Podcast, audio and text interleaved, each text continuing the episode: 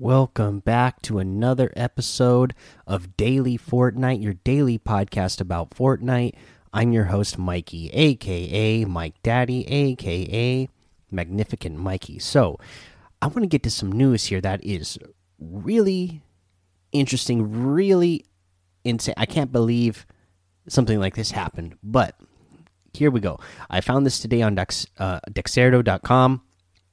Uh, in this article, they talk about uh, Sway, a FaZe Sway, and then another Sway who is just Sway. And he was actually had the name Sway before FaZe Sway. And he uh, was actually a YouTuber, or he is a YouTuber who uploads uh, Fortnite content to YouTube. And uh, he already had a big enough following when the supported creator uh, program came out, and he applied to get a creator code, and he received a creator code for his username Sway, and then you know comes along Sway, or people might call him nowadays FaZe Sway, because he got signed to FaZe and absolutely blew up. He's a huge content creator. He has creator code, but it's Yo Sway, not just Sway. But because of the similarity and people not knowing what his creator code is, or not paying attention, they just assume it's Sway. They've been putting in the creator code just Sway by itself. And this this other content creator has made over $26,000 of people using the code Sway. Uh, so that is pretty nuts, pretty insane that something like that would happen. So uh, I bring that up because if you're gonna support a creator, I mean that's all good for that guy. Uh, you know, and I from what I read in the article, he's actually talking to he's he's talked to Sway about it, and they haven't you know changed their creator codes or anything, and uh, so he's still getting it. So I mean lucky turn of events for that guy. But if you are somebody who's spending your money and you want to support a certain creator, make sure you really know what their creator code is when you put that in. That way, you're supporting the person that you intend to support. Um, now, again, nothing wrong with that guy uh, getting this way because he actually had that code before the FaZe Sway that everybody knows. Now, what uh, can you do the future? Again just pay attention. Now i know there's a lot of codes out there that are very similar because you can look at the list of codes and i've looked at the list of codes before when i was uh, thinking about changing my code or when i first got my code.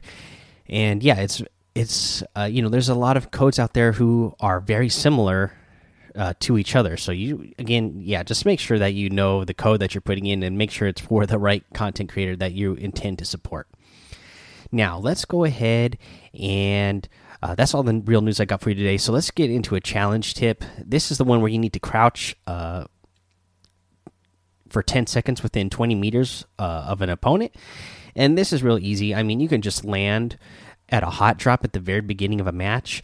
And when you do, uh, just start crouching right away, and it will you know you'll let somebody will probably land near you and you'll start accruing that 10 seconds now the really cool thing about this is you don't have to do it for 10 seconds straight. You just have to do it in 10 seconds total.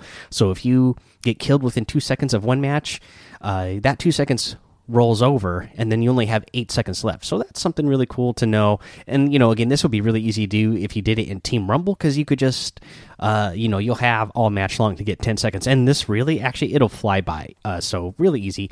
Uh, but yeah, that's your challenge tip. Let's go ahead, take a break. We'll come back. We'll go over the item shop and our tip of the day. All right, guys, let's go over today's item shop again. Getting close to Halloween, so we got another Halloween themed outfit. This time we get Bunny Moon outfit. This is the one with like the Christmas lights around it. Uh, you know, it's got like on some like Beetlejuice type pants, the bunny ear mask. You know, again, the description says, "Who are you supposed to be again?" because yeah, there's really no uh, theme to this uh, outfit. Like none of it fits together. It's just a bunch of random stuff thrown together. We have the Dark Bomber outfit, one of my favorites. the Thunder Crash harvesting tool. This thing is so cool looking that it's just one of my favorite harvesting tools just because it looks so cool. We also have the Dark Glyph Glider, which you guys know I love because of that. Uh, uh, the graphics that we get on top of this glider. You have the Arc outfit in the item shop today, the Divine Wrap, the Virtue Harvesting Tool, the Evil Eye Harvesting Tool, and the Malcore outfit as well. Now you have the Shadow Ops outfit, the Wiggle emote, the Scorecard emote, the Magma Wrap, the Dominator outfit, and the Thumbs Down emote as well. Now, that's all the items the item shop and remember that you can use creator code Mike Daddy and if you are going to use Mike Daddy, make sure that you put it in correctly that way you don't support another Mike Daddy. Uh, last time I checked there wasn't another Mike Daddy code, but just in case there ever is, make sure you spell this one correctly, which is M M M I K E D A D D Y. Use that in the item shop and it will help support the show. Now, uh, let's get into our tip of the day. Uh, for this tip, I want to say uh, carry grenades. Okay, you know, yesterday was take the tack. This one is carry grenades because grenades are so powerful this season. Uh, the way they're working right now, and th th that's the other thing is that I it's no problem finding a full stack of grenades uh, within a matter of minutes of the beginning of the match. And you can just throw a stack of grenades at somebody who's trying to box up. And because of the way uh, the grenades are working this season and the way, you know, you, people can't really replace enough of the walls fast enough to keep the explosions from hitting them, uh, you know, chucking 10 grenades at somebody is definitely going to do some damage to them they'll they'll they'll end up getting hit and you'll probably get eliminated. I mean, if you throw 10 grenades at somebody, uh, you know, while they're boxed up and you didn't get an elimination, I would be very surprised. You know, you could throw 10 grenades at somebody and they're out in the open and they do a good job of building themselves out of it. Uh, but if you if you're in that perfect situation, it should be no problem to uh, eliminate somebody who is cornered in a in a bad situation. I've gotten a plenty of grenade eliminations this season, way more than I have in previous seasons, and uh, they're just a really, I mean, I almost want to say that they're overpowered right now. So, yeah, just uh, carry those grenades because they are getting the job done. That's your episode for today.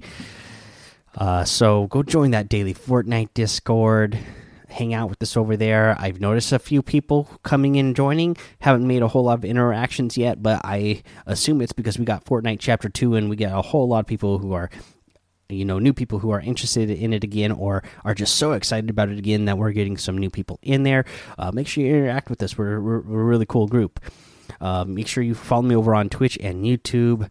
Uh, Mike Daddy on both of those. Head over to Apple Podcasts, leave a five star rating and a written review so you can get a shout out here on the show.